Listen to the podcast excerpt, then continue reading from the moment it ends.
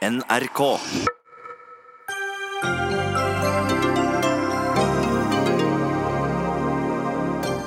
Justisminister Gøran Kalmyr er utsatt for en heksejakt, mener Nettavisens redaktør. Det er ikke Aftenpostens Trine Eilertsen enig i. 70% av norske moskeer har ingen kvinner i styrene. Nå krever Arbeiderpartiet kjønnskvotering. Det går utover trosfriheten, protesterer KrF.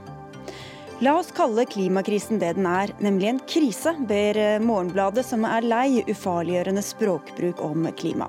Men Dagens Næringsliv vil ikke endre ordbruken sin.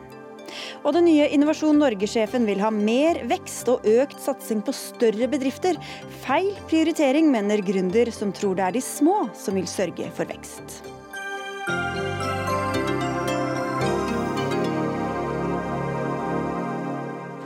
Vel møtt til ukas siste Dagsnytt 18. Jeg heter Sigrid Solund. Justisminister Gøran Kalmyr mener selv han ikke gjorde noe ulovlig da han lot en au pair flytte inn til familien, før hun hadde møtt opp hos politiet og fått godkjent søknaden sin. Kalmyr sier han handlet i god tro, fordi aupairbyrået sa det er fast praksis at en au pair flytter inn og bor som gjest hos den nye familien. UDI-direktør Frode Forfang presiserer i dag at deres egne hjemmesider og rundskriv sier noe annet. Au pairen ble sendt ut av landet og har fått varsel om at hun kan bli utvist fra Schengen. Advokat Ingvild Bo Hornburg, du er au pairens advokat, og du ble opprinnelig kontaktet av Kalmyrs kone, som i likhet med andre har også tilbudt seg å betale lønnen din hvis dere ikke får den dekket. Aupairbyrået sa altså at hun kunne flytte inn hos Kalmyr-familien uten å jobbe. Kalmyr sier at hun verken har vasket, laget mat eller gjort andre oppgaver i den aktuelle perioden, men hva sier hun selv at hun gjorde i disse ukene? Hun har fortalt meg at hun slapp av, gikk ut med venner, var i kirken og ble kjent med familien i denne perioden. Og så sier Utlendingsdirektoratet at dette egentlig ikke spiller noen rolle, ettersom det her var snakk om tillatelse til kulturutveksling og ikke arbeidstillatelse. Så bare det å være i huset er jo en del av dette, så da er jo reglene brutt bare der.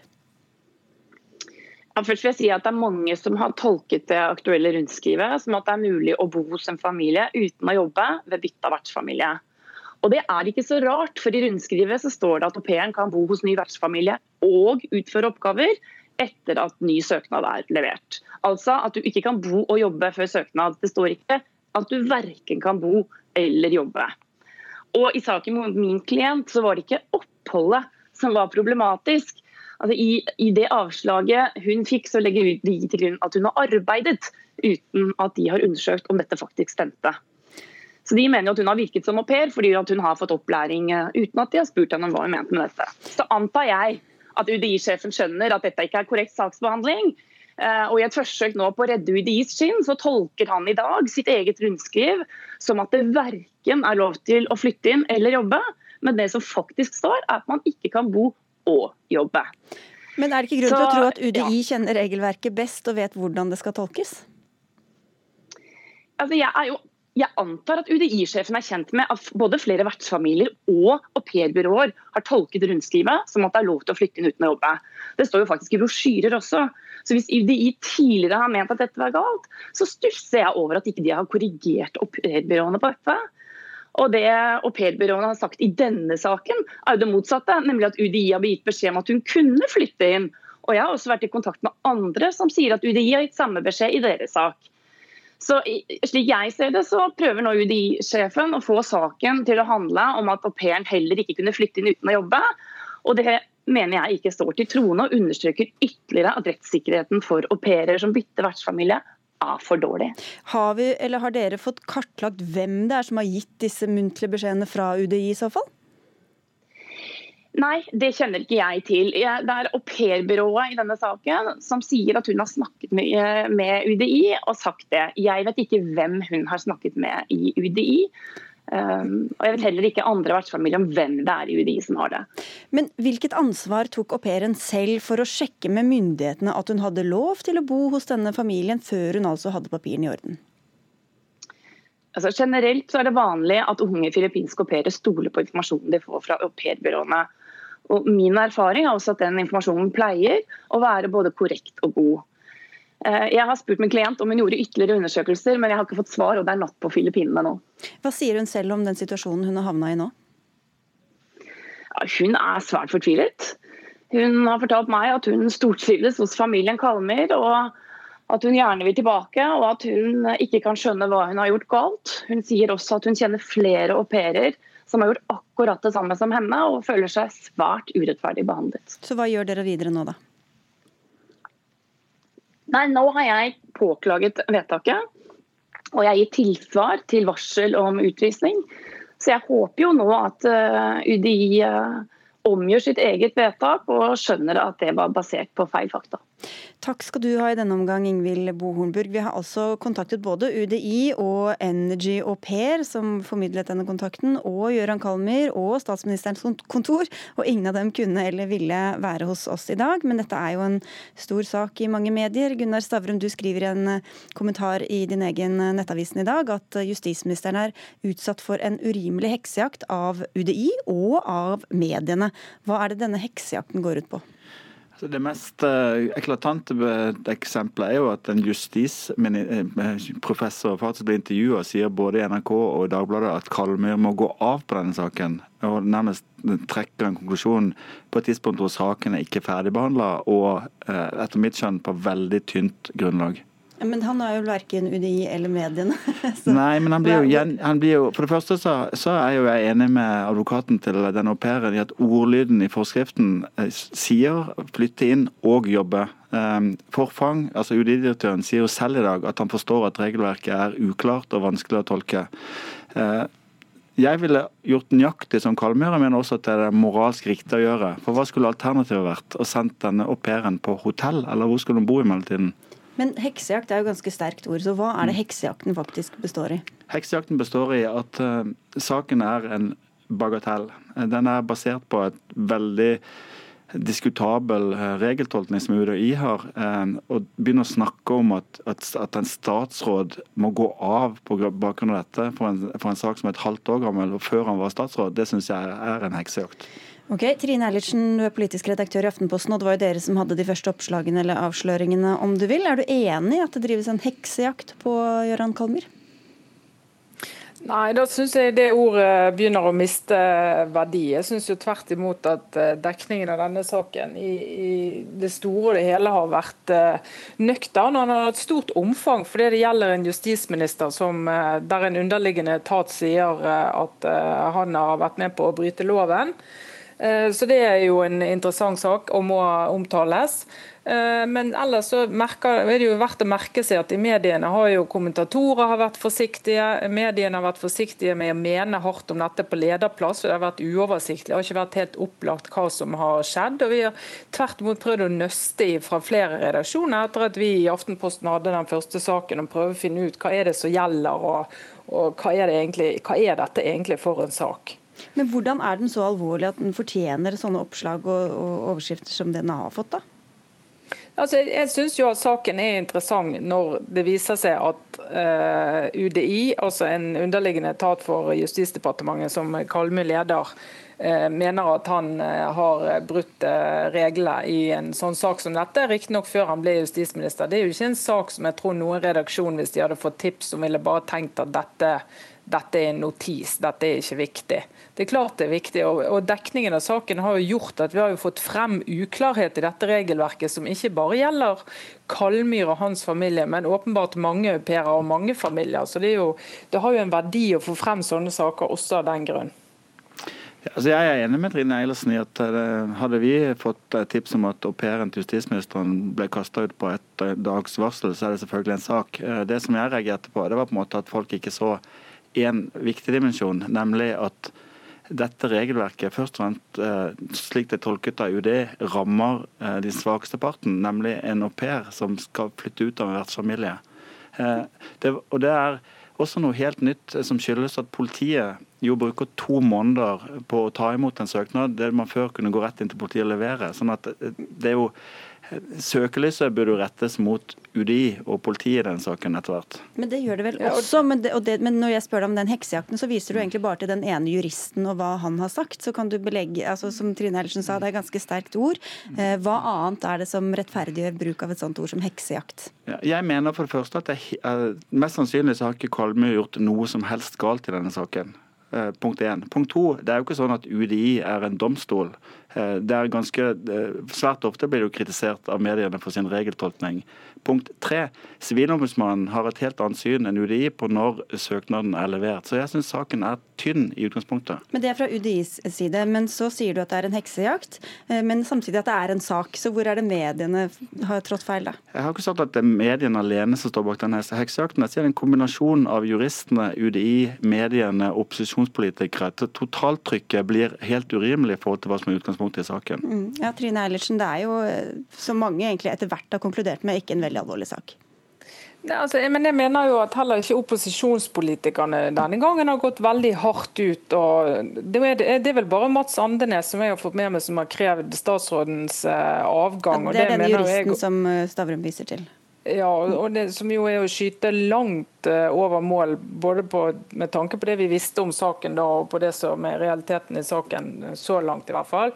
Eh, men så jeg mener jo tvert imot at dette er et eksempel på en sak der vi har eh, funnet ut at det er uenighet mellom justisministeren og en underliggende etat i tolkningen av dette regelverket. Har fått frem det som Stavrum ramset opp nå, som vi nå vet om dette regelverket. Det visste vi jo de fleste av oss ikke før denne saken ble offentlig kjent, så det har jo verdi. og Det har Aftenposten og også flere redaksjoner jobbet for å få frem. og Det, har, det er veldig nyttig å, å få frem.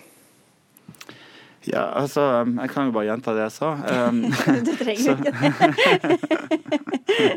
men, men, det er jo sånn at, uh, at denne saken, uh, som du selv sier, det, er, det, er, var, det, var, verdt et oppslag, men ga mm. Aftenposten i utgangspunktet liksom, virket det som om det var mye mer alvorlig enn det det viste seg å være? eller hva var det du... Jeg, jeg, jeg har ikke skrevet, kritisert Aftenposten på et punkt i den saken. Jeg syns den første saken var helt greit. Jeg syns også oppfølgingen til Aftenposten er helt greit. Det, som jeg sa i sted, så er det totaltrykket av medier Eh, såkalte eksperter og, og um, motstanderpolitikere i sum og oppslagenes mengde som gjør det til ganske urimelig totalbelastning. Så det blir ikke noe ny utskiftning i justisministerposten, Trine Eilertsen? Nei, altså det, jeg, ser ikke at det er grunnlag for det på denne saken. her, eh, og Jeg ser heller ikke at det er noe, verken et folkekrav eller et krav fra opposisjonen. Så det, det er klart det at denne Bakteppet for denne saken er at eh, Frp har hatt eh, seks justisministre før Kalmøy i regjering, og at det ble litt sånn hjelp meg, skal det gå galt med denne også? Så Det er jo en del av det som gjør at det er veldig stor interesse rundt det. Altså Hvis det hadde vært Jan Tore Sanner, holdt på å si, så hadde det kanskje ikke vært like stor interesse. Eh, men det blir det jo med den forhistorien. Vi prøvde å få tak i Gøran Kalmer, som, eh, som, nevnt. Han hadde ikke mulighet eller kunne ikke eller ville ikke stille i dag. Men vi får si tusen takk til dere begge to for at dere kom, i hvert fall Trine Eilertsen fra Aftenposten og Gunnar Stavrum fra Nettavisen. Og også takk til deg, advokat Ingvild Bo Hornburg. Dagsnytt 18 alle hverdager klokka 18. På NRK P2 og NRK2.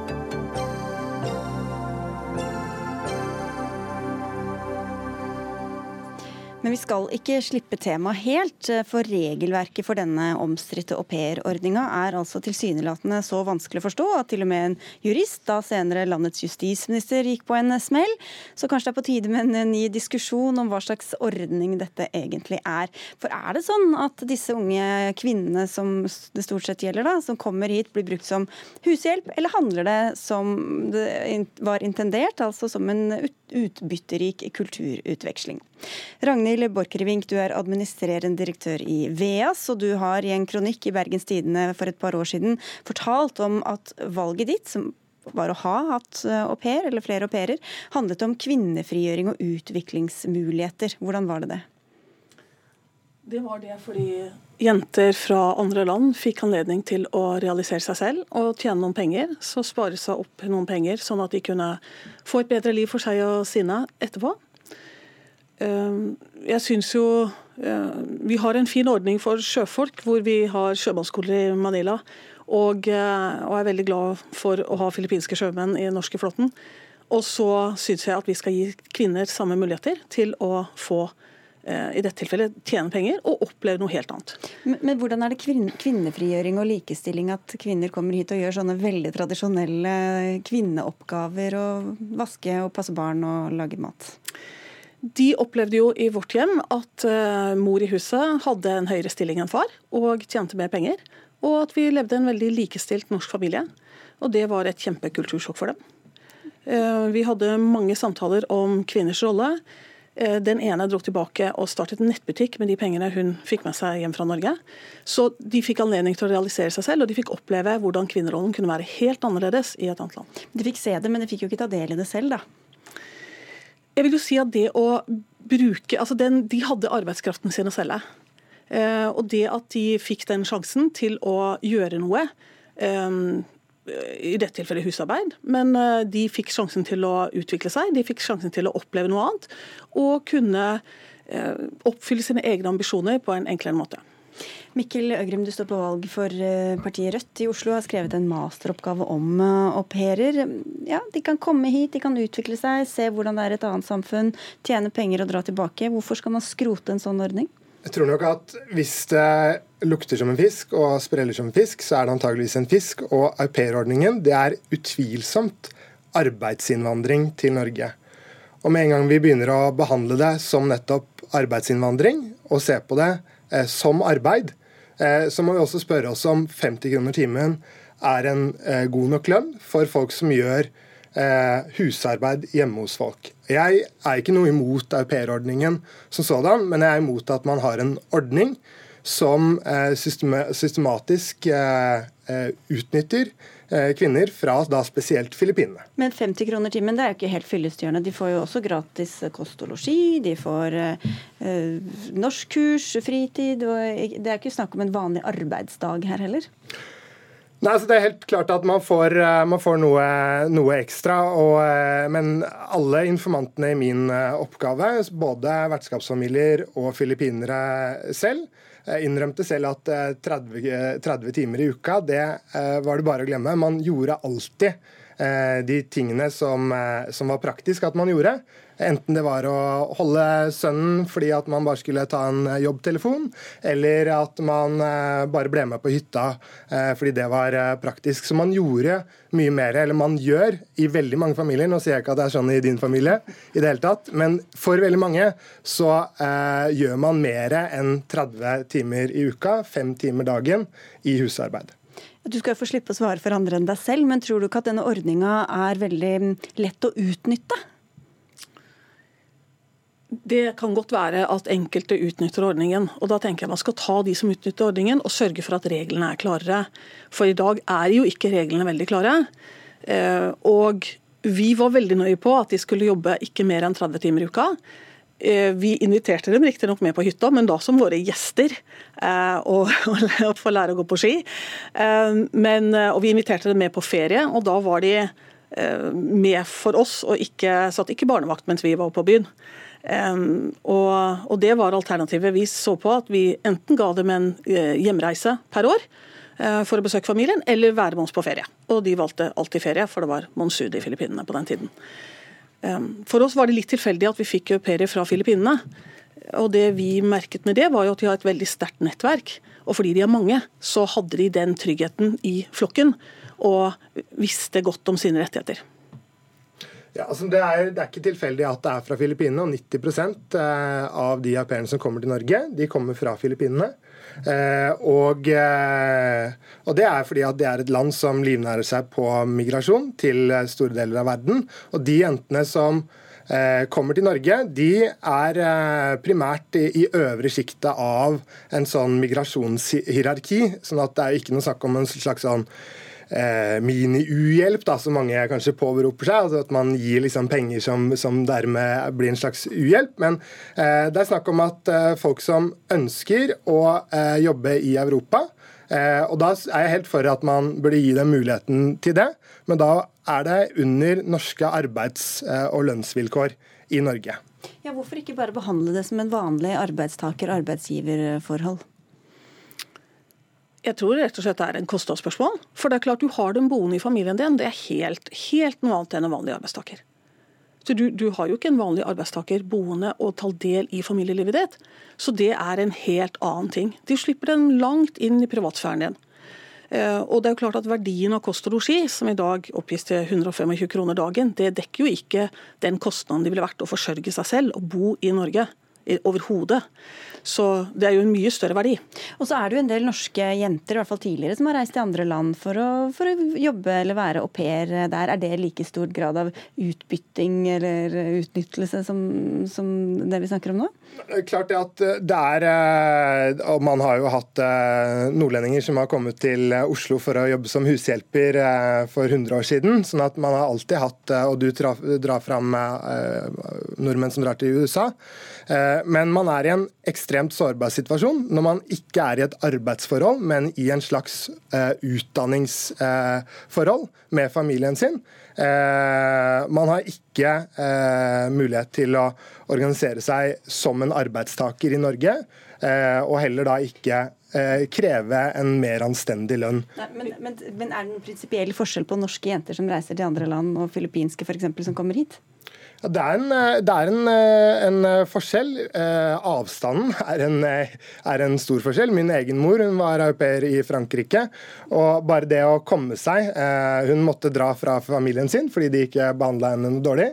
men det å Eh, byråkratiet med å komme seg ut av en familie og komme seg hjem til Filippinene, bare det i seg selv gjør at det er en stor maktforskjell. Jeg opplever at eh, det er en, en, viktig del å se en annen del av verden og få en annen syn på kvinnerollen. Det tror jeg var det viktigste. Og så er det jo selvfølgelig også et behov for oss til å ha bistand. Det er veldig krevende. Jeg begynte å jobbe på Hønefoss da barnet mitt var tre og en halv måned. Eh, og skulle ta over en helt ny jobb som sjef i et firma. Og det er klart at vi satte enorm pris på det arbeidet vi fikk fra au pairen, men vi behandlet dem pent. Da får det bli siste ord, så er det i hvert fall aktualisert igjen. Takk skal dere ha begge to. Ragnhild Borchgrevink, eh, som eh, er administrerende direktør i VEAS, uten at det hadde så mye med saken å gjøre i dette tilfellet, og Mikkel Øgrim, som altså er kandidat for Rødt i Oslo.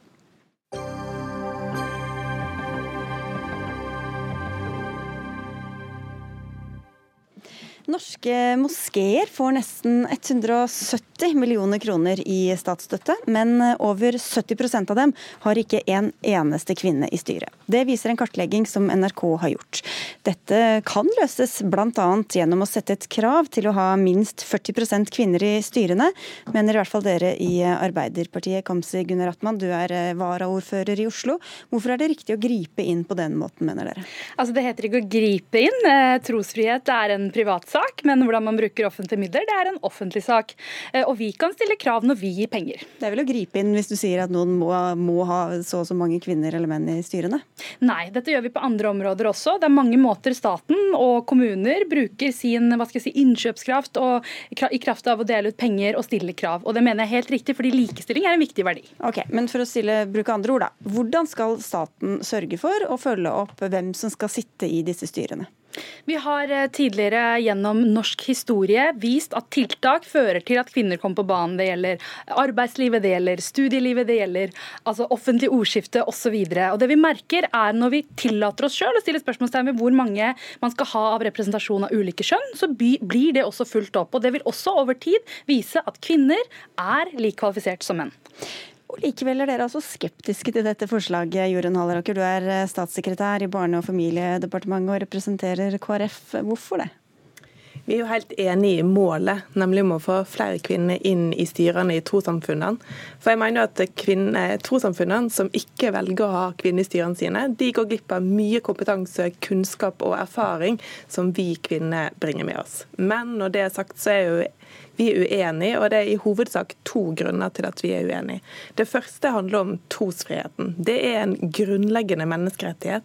Retten til å tro det man vil, og til å utøve troa si. Og staten skal være svært forsiktig med å gripe inn i trosfriheten. Men bare, Men, vi kan ta det ja. først da. For hvordan, nøyaktig hvordan går det utover trosfriheten bare ved å stille noen sånne formelle krav til styrerepresentasjon?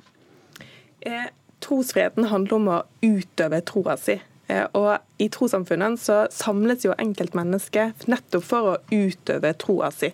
Og da ved å gripe inn og si at eh, hvis man er uenig i noe som trossamfunnet gjør, så skal staten ta fra en. Men, men, jeg mener jo at det er flere grunner jo, men jeg vil bare følge på den, fordi De NRK har snakket med, sier jo at det ikke er noe i veien for å ha kvinner i styrene. Det er ikke noe i selve troen som forhindrer det. Så hvordan er den inngripen i trosfriheten bare det å sette et sånt type krav? Nei, og det er jo helt enig i at De trossamfunnene som ønsker kvinner i styrene sine, det vil jeg jo heie på. Men jeg mener ikke at staten skal gå inn og si at det skal være et krav, men at man heller skal jobbe innenfra. Det tror jeg er mye mye bedre, og man kan få til at flere kvinner kan få lov til å delta. Men jeg skjønner fortsatt ikke hvordan det går ut ved trosfriheten. Jo, fordi at eh, for noen så griper eh, økt kvinneandel i styrene, det griper inn i trosfriheten. Eh, og Det kan handle om lærespørsmål. Det kan handle om man skal, hvordan man skal hvordan man skal eh, tolke skriftene som man, eh, som man, tror på. Eh, og Da går det inn i trosfriheten. Men, ja. men bare, det kan være litt vanskelig dette her, fordi et forslaget fra Arbeiderpartiet det går jo ikke ut på at man, det er de administrative styrene, og ikke i lærespørsmål. Men for noen trossamfunn så kan, gå, så kan man på en måte kan det være litt vanskelig å skilne mellom hva dette her er. Og Vi stiller ikke noe krav til at trossamfunnene heller skal ha styre. sånn at det, hvordan trossamfunnet organiserer seg, det er med å bidra til å gripe inn i trosfriheten. Ja, altså, eh, det blir litt vilkårlig. fordi at det, Vårt ansvar som myndigheter, som stat eller kommune, er å ha et sekulært utgangspunkt på noen felles verdier. Og Noen av disse felles verdiene det er likestilling. Og Jeg har venner som tror på om det er islam, hinduisme, kristendom, så er det noen som mener at eh, trosfrihet er, er, lik likestilling, og så er det noen som mener at trosfrihet er lik eh, mindre likestilling, mer likestilling. Folk tror på ulike ting.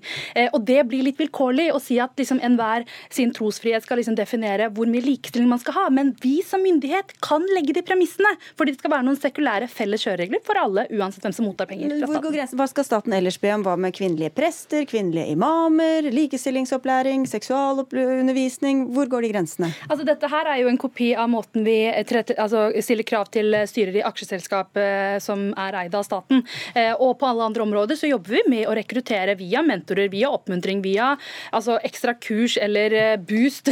Så jeg tenker at det er mange måter å jobbe på, men i akkurat styretilfellet så mener det er riktig med krav om eh, kjønnsbalanse. Vi kan jo høre fra noen av dem det gjelder. Yasir Ahmed, du eh, er styremedlem i Islamsk råd eh, Norge. Bare først, Hvorfor er det så få kvinner i styrene i disse trossamfunnene? Altså, det er et veldig godt spørsmål. Det som er fellesnevnt for oss tre her, er at vi alle er opptatt av at det bør være kvinner i styret. Så la oss parkere den diskusjonen der. Eh, vi er opptatt av å få kvinnedeltakelsen i styrene. Eh, og vi har jobbet med dette i systematisk de siste tre årene. Det har ikke gått så bra, det. Nei. Og, og, det, og, vi må sette oss ned og se på hva er faktisk årsakene til at eh, man ikke kommer ned. Til at man tar det steget og sitter i styreveven. Fordi det er veldig mange muslimske kvinner som er veldig engasjert i moskeene. Prosjekter. Men de tar ikke steget til å komme opp. Eh, og Noen eh, begrunner jo den at de prioriterer familie, eh, familietiden sin. for at, husk at Alle som sitter i moskéstyrene i dag, de, sitter, de har 8-4-jobb, og så jobber de frivillig i etterkant. Ikke sant? Så, så, det å balansere jobb, familie, styre og alt det der, det er noe, også en årsak vi har fått tilbake fra noen. Men, men bare for å ta denne første runden her, da, Er du enig i at et sånt krav ville gått utover trosfriheten? Altså, Jeg vil ikke blande opp i trosfriheten. Det jeg vil eh, eller påpeke med lovkravet, dette er veldig prematurt. Eh, det lovkravet kommer fordi at man ikke kjenner til moskémiljøene hvordan det fungerer. Eh, altså, her, her kobler man aksjeselskap og næringslivet. ikke sant? Sånn fungerer ikke trossamfunnet. I næringslivet så får du kanskje honorar for at du sitter i styret, men det får du ikke i trossamfunnene. Her får du ikke honorar. Er det, er det kvinnene som ikke vil, eller er det mennene som ikke altså, slipper dem til? Jeg vil ikke si noe negativt om kvinner, men antagelig som de tilbakemeldingene vi får, så stiller de ikke opp til å komme i styrevervene. Men eh, En ting som er litt sånn viktig, det er at eh, fellesskapets midler det skal brukes til fellesskapet. Og Det betyr ikke at bare at eh, det er flertallet som skal bestemme hva midlene skal gå til. Det betyr òg at mindretallet skal få midler, selv om vi er uenige med dem. Så er det deres midler òg. Og det, det, opplever jeg ikke at Arbeiderpartiet forstår, når de på en måte sier at fellesskapets midler, skal, vi skal bruke de for det vi vil.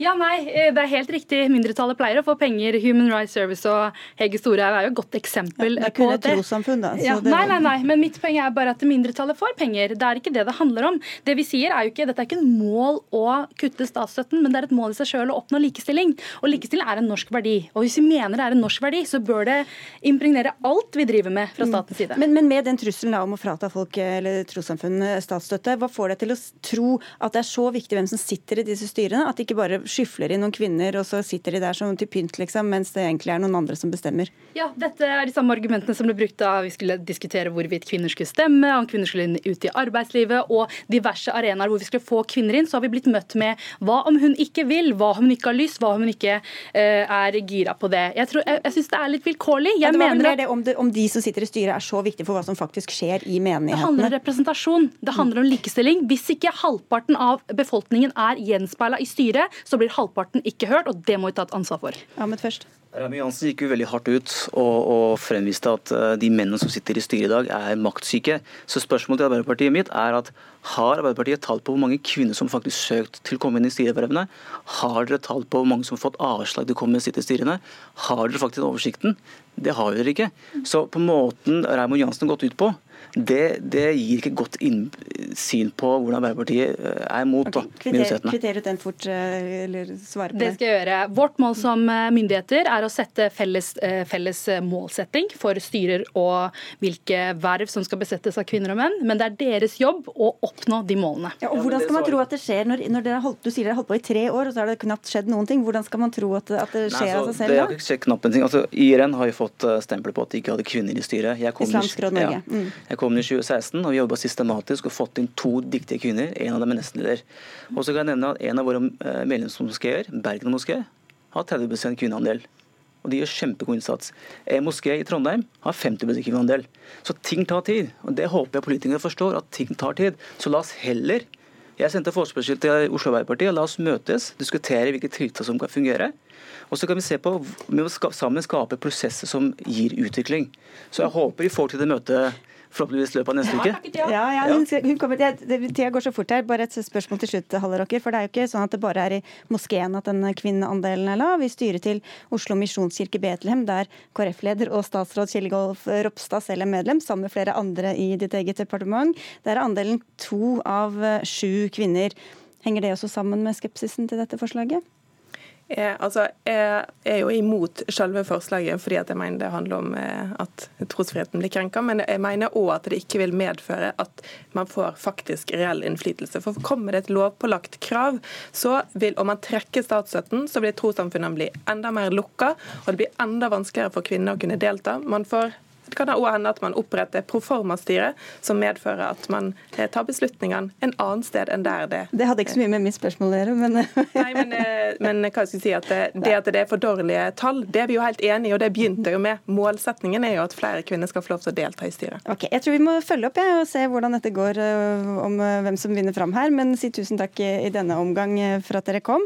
Kamzy Gunaratnam fra Arbeiderpartiet og Jorunn Halleråker fra Barne- og familiedepartementet. og og Yasir Ahmed i Islamsk Råd Norge.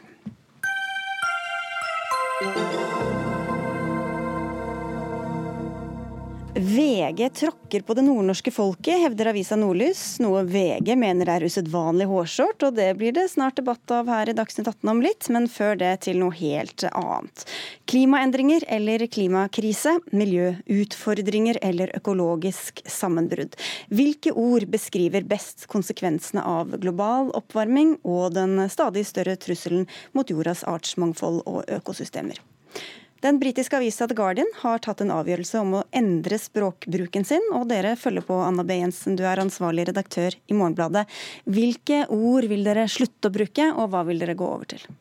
Vi vil begynne å skrive klimakrise og økokollaps f.eks.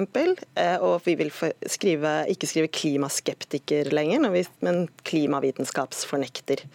Og Det er fordi vi mener det er mer presise ord å bruke på det som vi ser, og den utfordringen vi står overfor. Men Hva er hensikten ved en sånn inngang til det, at dere tar en sånn beslutning?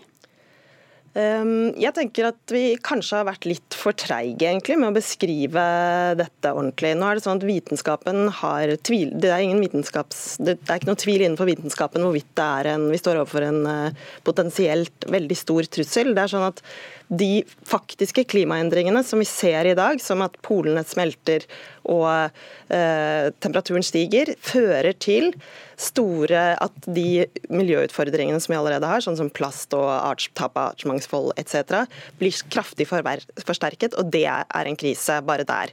Men så er det en politisk handlingslammelse i tillegg. Og da, når vi tar både den handlingslammelsen og den potensielle kollapsen, da tenker vi da er det absolutt på sin plass å kalle det en krise. Kjetil Alstaheim, politisk redaktør i Dagens Næringsliv. Dere har ikke hatt en tilsvarende runde og heller ikke kommet til den samme konklusjonen. Hvorfor ikke? Jeg tror det, blir eh, Jeg skjønner hva som er poenget og hvorfor den debatten kommer. Og jeg ser ikke bort fra at klimakrise er et ord som vi også kan bruke når det passer sånn. Men, eh, men det, det, kan, det, er ikke sikkert at det blir mer presist av det. For spørsmålet er jo hva er du, hva er det du egentlig snakker om? Snakker du om den eh, krisen som kan komme om et tiår eller to eller tre hvis verden ikke klarer Paris-målene og temperaturstigningen blir tre eller fire grader og ikke en og en halv eller to? Eller snakker vi om de utslagene vi kan se allerede nå av klimaendringer, sånn som uh, muligens tørkesommeren i fjor? Eller snakker vi om den politiske krisen? Så det er, det er noe med vi er nødt til å bruke eh, flere ord for å beskrive en så kompleks og sammensatt eh, problemstilling som, som klimapolitikken og klimaforskningen er. Ja, det er eh, klart vi må bruke flere ord. Men jeg mener at klimaendringer er upresist. fordi endring, Mer upresist enn å skrive klimakrise eller si klimakrise. da.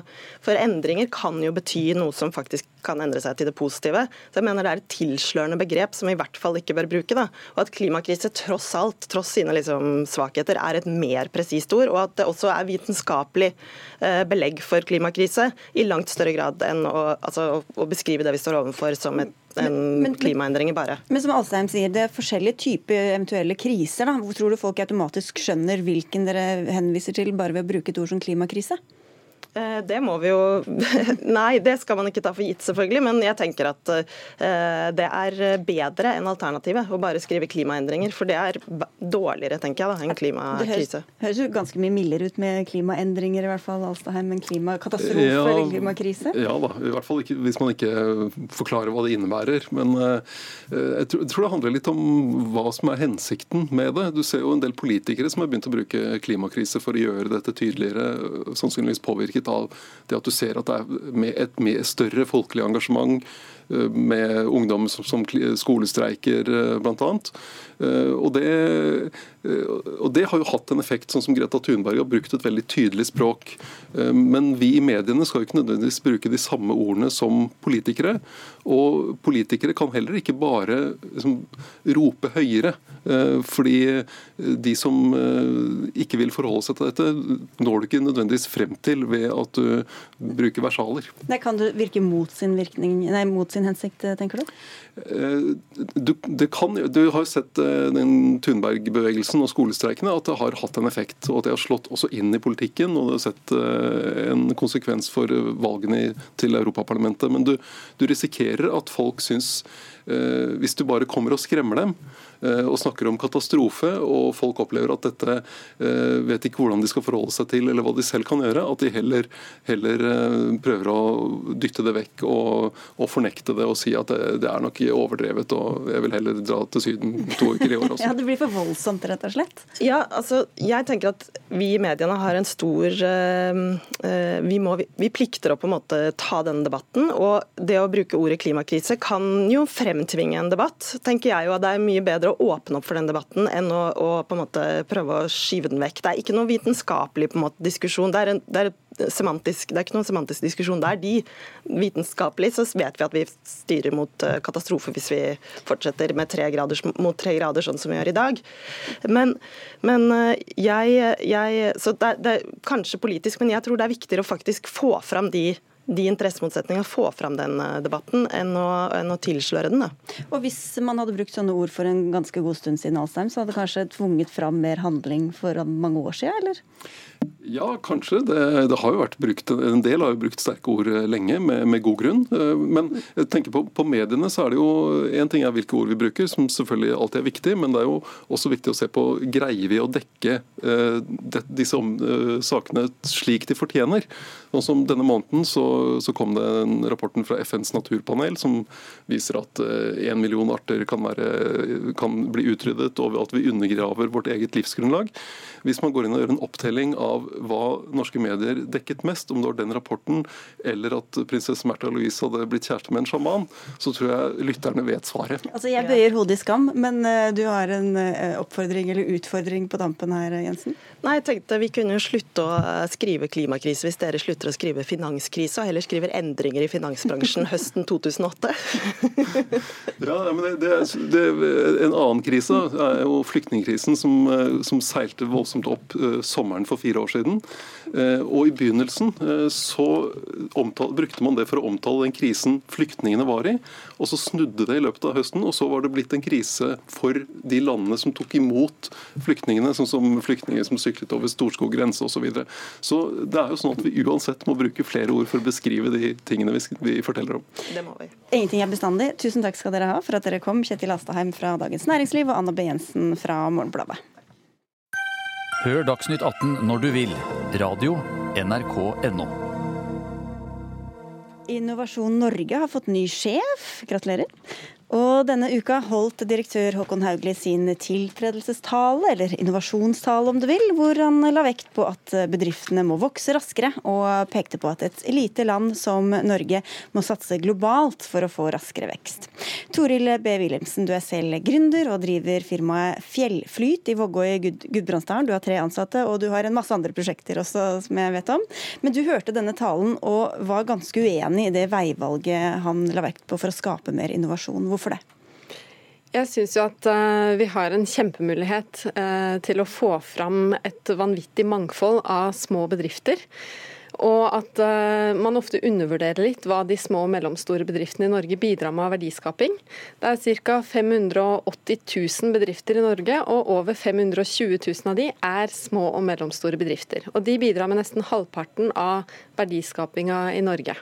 Hva var det han eh, Han sier du skal få ordet snart, men foreløpig tredjeperson. Hva var det han la vekt på som, som du var uenig i, da? Det var vel mer det han ikke snakka om, som jeg savna. Eh, fordi at Vi trenger noen lokomotiver som også er globale vekstselskaper. Men eh, for å få gode tilbud til folk som kjøper tjenestene, og ikke minst for at folk som har lyst til å starte egne bedrifter, skal kunne følge sin drivkraft og gjøre det de har lyst til å eh, få til da, der de er, for å bidra i sine lokalsamfunn. og eh, leve av det de brenner for, og skape noe som de er stolte av der de er, med de ressursene som de har. Det savna jeg veldig i den talen.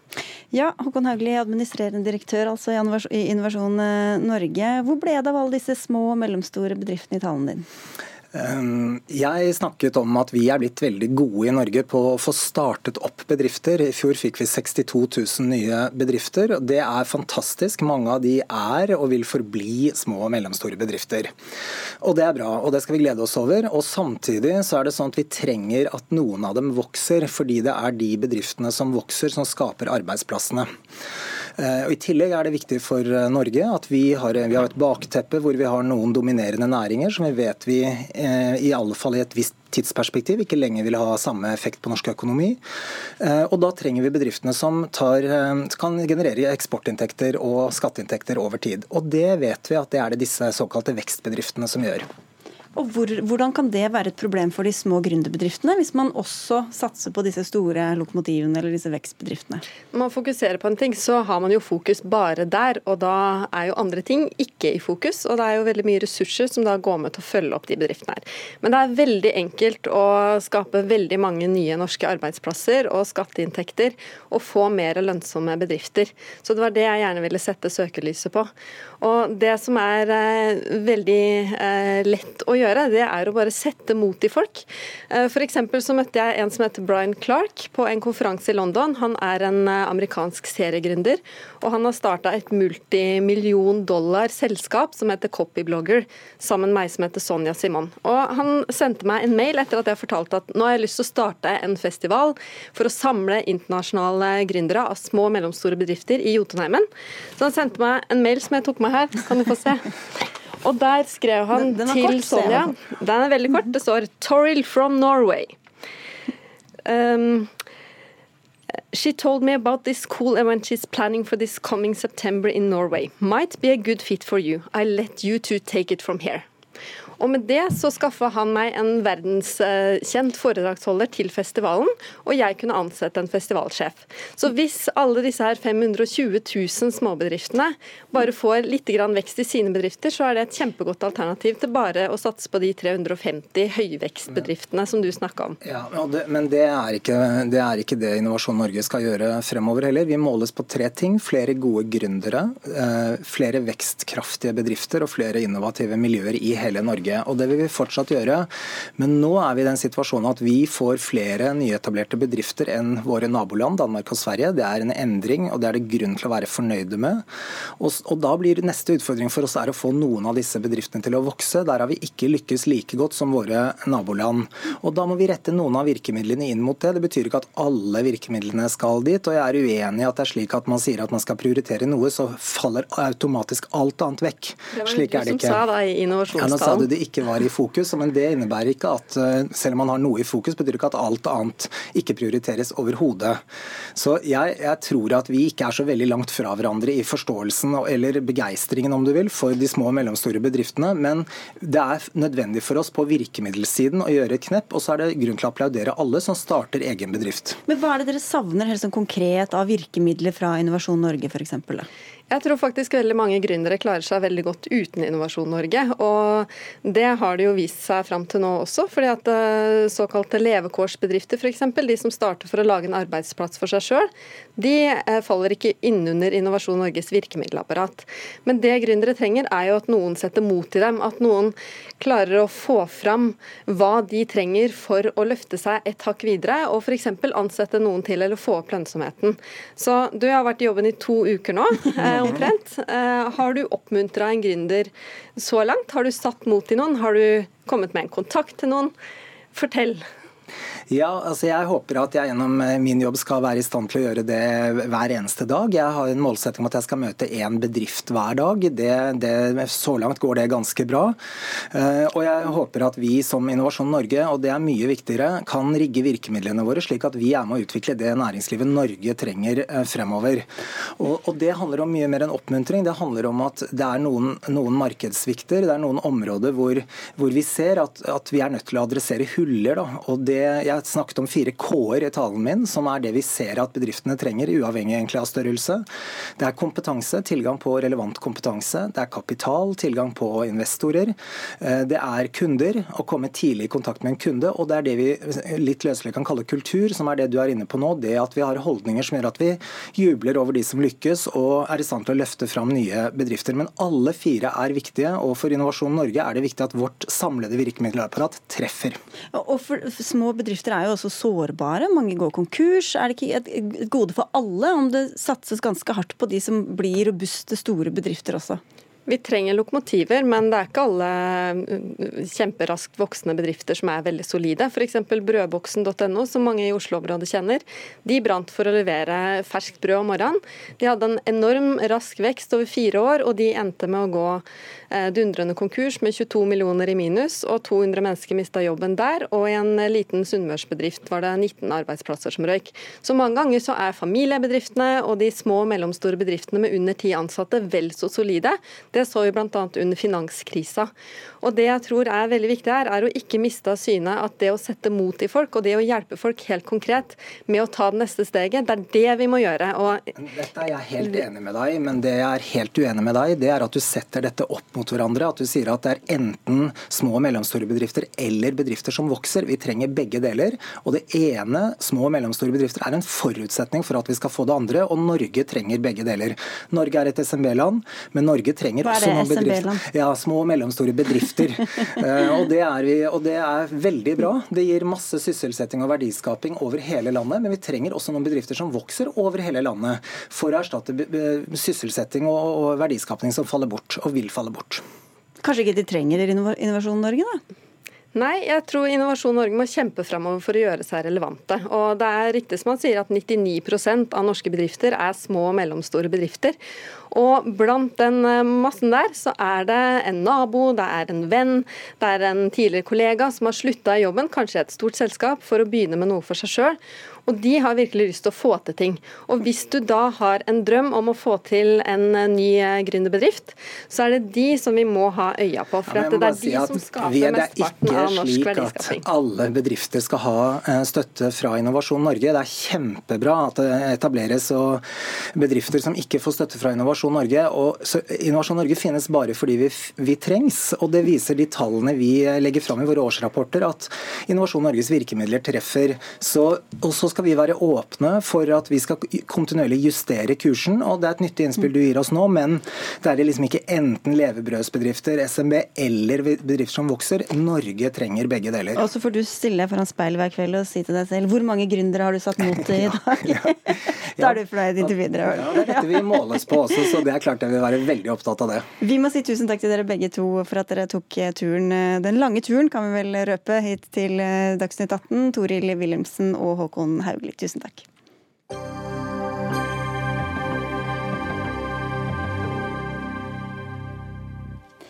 Da er vi inne i siste runde, i det vi vel kan kalle kommentator spesial her i eh, Dagsnytt 18. For eh, det er kollisjon mellom Riksavisa, VG og nordnorske Nordlys. Politisk redaktør i sistnevnte avis skriver i dag at eh, VG står med ryggen mot Norge, og sikter først og fremst til VGs kommentaravdeling. Avisa har gjort det til en oppgave oppgave å tråkke på menneskene i en landsdel som utgjør nesten halve Norge, skriver du til og med, Skjalg Fjellheim. Du er politisk redaktør i Nordlys. Hvordan tråkker VG på folk i nord? Ja, Det gjør de ved å eh, demonstrere sin uvitenhet og levere en analyse som er skrekkelig dårlig og, lite oppdatert på samfunnsutviklinga i, i Nord-Norge. Eh, dette er jo den delen av Norge som har hatt raskest økonomisk vekst de siste årene, eh, der det går veldig godt økonomisk. Og så likevel klarer Mæland og VG å fremstille dette som en del av landet at uansett hva slags statlige virkemidler du bruker her, så vil det ikke hjelpe. Og um, en ting er jo at dette er en feil fremstilling. Det andre, og kanskje mest alvorlig, er jo for avisa VG, som har vært en en, eh, en, avis som har sett eh, Norge i øyehøyde og hatt respekt for eh, Norge og det store mangfoldet i Norge, og, og, og nå har blitt erstatta av en logikk der man ser Norge fra et glasshus i Oslo, og hvor all tilstedeværelse i Nord-Norge eller utenfor Oslo mer eller mindre er fraværende. Og Det var det store bildet. Bare for å si det, Den kommentaren du viser til, er altså skrevet av deg, Astrid Mæland, kommentator i VG, og også en skyteskiven her. Eh, og, og, Den siste kommentaren som det ble nevnt, den handlet altså om statlig pengebruk i Nord-Norge. Men føler du deg truffet av Skjalg Fjellheim? Nei, jeg kan ikke si det. Jeg tykker det er en hårsår mann som sitter oppi bobla si oppe i Tromsø og ikke tåler at vi eh, evaluerer og ser på distriktspolitikken sjøl. Jeg er kjempeopptatt av at det skal bo folk i hele Norge og ønsker en god distriktspolitikk. Det som jeg har skrevet om er hvordan det går med de 12 milliardene vi bruker i Nord-Norge til det som kalles direkte distriktsstøtte. Arbeidsgiveravgifta er låg eller kanskje null. Han Skjalg betaler betale kanskje 4000 kroner mindre i, i strøm hvert år enn meg. Han har mindre skatt. Um, og andre ordninger. Og Så er spørsmålet om det virker. ikke sant? Og så er det henviser til, en, til ny forskning fra en eh, forsker som heter Jonas Stein eh, oppe i Tromsø, som har sammenligna Nord-Sverige og Nord-Norge. Og uh, finner ut at befolkningsutviklinga er ganske lik nesten oppsiktsvekkende lik etter at Norge begynte med distriktspolitikken sin for fullt i 1975, mens Nord-Sverige ikke har hatt noe, nesten. Ja, hva er det som er galt med det her da, Fjellheim? For det første så ble jo Nord-Sverige Nord avfolka lenge før eh, distriktspolitikk fikk en aktiv distriktspolitikk i, i, Norge. Så jeg mener det blir helt feil å sammenligne eh, utviklinga i Nord-Sverige med utviklinga i Nord-Norge. Det som er feil, er at hun ikke har snakka med kilder i Nord-Norge. Hun baserer seg på én doktor doktorgradsavhandling der hun altså slakter all norsk distriktspolitikk de siste tiårene. Det er jo en ganske drøy konklusjon, uten at hun engang har snakket med næringslivet i Nord-Norge, som kan fortelle en helt annen historie om den differensierte arbeidsgiveravgifta. Den har vært særdeles viktig for å skape lønnsomt næringsliv i nord. Og vi befinner oss altså i en del av landet der spesielt byer som Bodø og Tromsø har hatt en stor vekst de siste årene, og næringslivet der sier at det skyldes nettopp statlige virkemidler, som differensiert arbeidsgiveravgift. Okay, og, ja. det, det, må høre med Velland, Er det bare én kilde, og så er det over og ut med distriktspolitikken? Nei da, det er mye kilder. og Forskeren som jeg henviser til, han har jo brukt over 7000 eh, kilder, sier han sjøl. Han har holdt på å skikke på dette over 60 år, fra 1950 ca. til i dag. Og så er det jo artig da, med Skjalg, som i forrige uke skrev en leder i Nordlys. Jeg regner med det han som skrev den, han er i hvert fall politisk redaktør, der han slo alarm om hvor dårlig det går i Nord-Norge. Befolkningsutviklinga går feil vei. Eh, Statistisk sentralbyrå kom med en ny rapport om at det går dårlig. og Da slo han på stortromma og skrev alarm i tittelen. Så kan en jo spørre seg, ikke sant? Er det en grunn til å se på virkemidler på nytt? Kanskje det er andre måter å bruke de pengene på? Jeg har ikke sagt det hele tatt noe om verdiskapninga i nord i artikkelen min. handler ikke om det i hele tatt, så jeg vet ikke hvorfor Skjalg driver og snakker om det. Jeg er helt men, klar på at det er mye olje, gassstrøm og alt mulig bra i Nord-Norge. Men så blir dere beskyldt ikke bare for denne kommentaren, men i det hele tatt, å ikke skjønne noen ting av Nord-Norge, ikke bry dere og ikke vise noen forståelse i det hele tatt. Ja, jeg vet ikke, han Skjalg har sikkert uh, tippa han ikke en del av innboksen sin, og så har han satt på Oslo-elite framover. Han er jo vant til å få mye tyn sjøl for å være Tromsø-elite. Han har jo sjøl gått framom og snakka uh, varmt om sammenslåing i nord mellom Finnmark og Troms bl.a., så han kjenner nok til den retorikken ganske godt. Så har han kanskje brukt den på meg i dag. Ja, Fjellheim. Altså, det er jo utrolig at, at Mæland klarer å koble en alarmerende folketallsutvikling i hele Distrikts-Norge til utelukkende til eh, at distriktspolitiske virkemidlene ikke virker. Dette har jo hovedsakelig med innvandring å gjøre.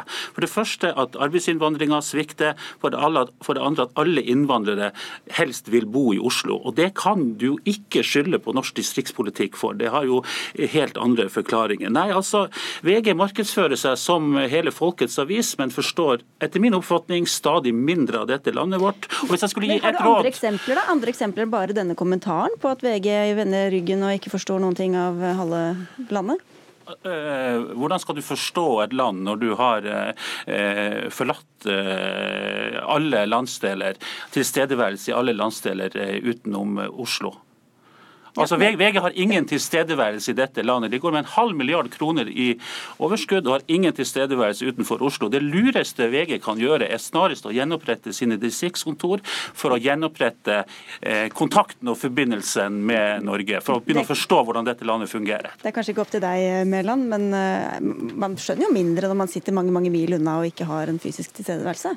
Ja, jeg er mye på bygda sjøl. Jeg bor delvis på bygda. Mannen min jobber med en bedrift som har nytt godt av lav arbeidsgiver arbeidsgiveravgift. Er det slik at vi skal da bare tenke på oss sjøl når vi skriver kommentarer og analyserer samfunnet, Vi må jo se på hva som virker. og Jeg syns det er kjempeviktig med god distriktspolitikk. Ønsker meg at eh, skolen der vi kommer fra består, alt mulig sånn. Spørsmålet er bare hvordan gjøre det best. Det er ikke at en skal kutte her støtten. og eh, Skjalg han blir så rasende når jeg sier det her, men det går an å, jeg gjør det jo av omtanke til distriktene. Går an å diskutere om det er noen andre muligheter. og det er jo slik da at Når jeg skriver én artikkel i VG om distriktspolitikken i et kritisk lys, så blir det baluba oppe i Nord-Norge. De aller fleste artiklene handler om at det er så bra med distriktspolitikk i Norge. Men nå, nå blir det med veldig sånn nord- og sør-skille her. Skjalg Fjellheim. Du skriver at oppdretterne på kysten i nord, som nå taper milliarder på naturkatastrofe, ikke roper på staten, slik bøndene rundt Oslo gjorde da tørken satte inn i fjor. Hva slags, ja, Oslo, ja, hva slags omtale er det av bønder og andre på Østlandet? Det, det er ikke noe galt i at bønder på Østlandet ba staten om krisehjelp etter den forferdelige tørken i fjor. Det syns jeg var helt ålreit. Jeg brukte et eksempel med oppdretteren i Nord-Norge nå som er rammet av en naturkatastrofe, algeoppblomstringen. De eh, har tapt milliarder av kroner de siste ukene. Ikke én av dem har bedt staten om krisehjelp. Og Det er fordi at, lønns, at næringslivet i Nord-Norge er utrolig lønnsomt. Ja, men, og, men Poenget mitt var ja. mer at om, om, du også bidrar til å opprettholde sånne stereotypier eller skiller mellom Nord-Norge og Sør-Norge? Nei, altså Den tittelen til Mæland i dag, 'Milliarder eh, til Nord-Norge, null effekt'. Altså Det er da en tittel som er så stigmatiserende, som stempler en hel landsdel på en veldig negativ måte. Så jeg syns du skal spørre Mæland om hun bidrar til okay. polarisering, og ikke meg. Da gjør jeg det, så får du ti sekunder på å svare, Astrid Mæland. Nei. Nei, det så jeg. Oh, ja. Ja. Da har jeg ti sekunder igjen å fylle, så jeg bruker på å si Det er jo ikke noe mesterskap mellom nord og sør. Jeg er sikker på at alle er enige om at folk i Nord-Norge er like hardtarbeidende som resten av Norge. Så det er salg som bidrar til å jazze opp stemninga her. Nei, altså, det, det er ikke riktig. VG har hatt en unik sjanse til å være en motkraft i sentrum-periferidebatten i Norge. Men i stedet for å gjøre dette, så har VG selv endt opp som en splitten avis. Dere, Blant annet gjennom vi må kommentarer takke. som det Mæland Ja, tusen takk skal dere ha, Astrid Mæland og Skjalg Fjellheim, for nå er det helg, også for oss. Dag Dørum, Lisbeth Sellereite og Sigrid Solund, som ønsker en fin fredagskveld.